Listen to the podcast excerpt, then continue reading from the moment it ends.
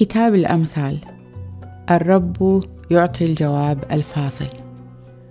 يسعى الإنسان بالتفكير والتدبير. إنما الرب يعطي الجواب الفاصل. جميع تصرفات الإنسان تبدو نقية في عيني نفسه ولكن الرب مطلع على حوافز الأرواح. اطرح على الرب أعمالك فتثبت مقاصدك. لكل شيء صنعه الرب غرض في ذاته. حتى الشرير ليوم الضيق. كل متكبر القلب رجس عند الرب ولن يفلت حتما من العقاب. بالرحمة والحق يستر الإثم وبتقوى الرب يتفادى الإنسان الوقوع في الشر.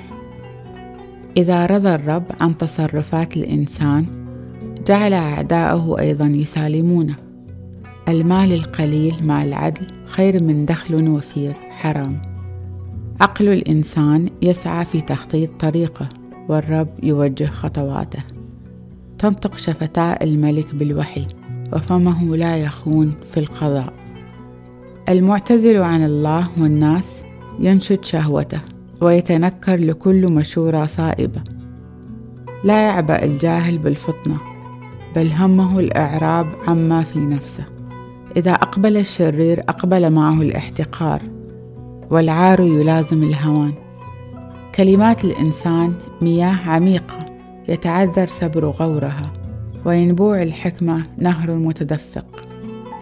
من السوء محاباة الشرير أو حرمان البريء من القضاء الحق.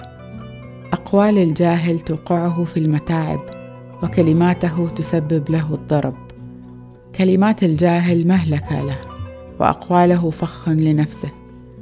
همسات النمام كقلم سائغة تنزلق إلى بواطن الجوف. المتقاعس عن عمله هو أخو الهادم. اسم الرب برج منيع. يلجأ إليه الصديق وينجو من الخطر. ثروة الغني مدينته الحصينة وهي في وهمه سور شامخ.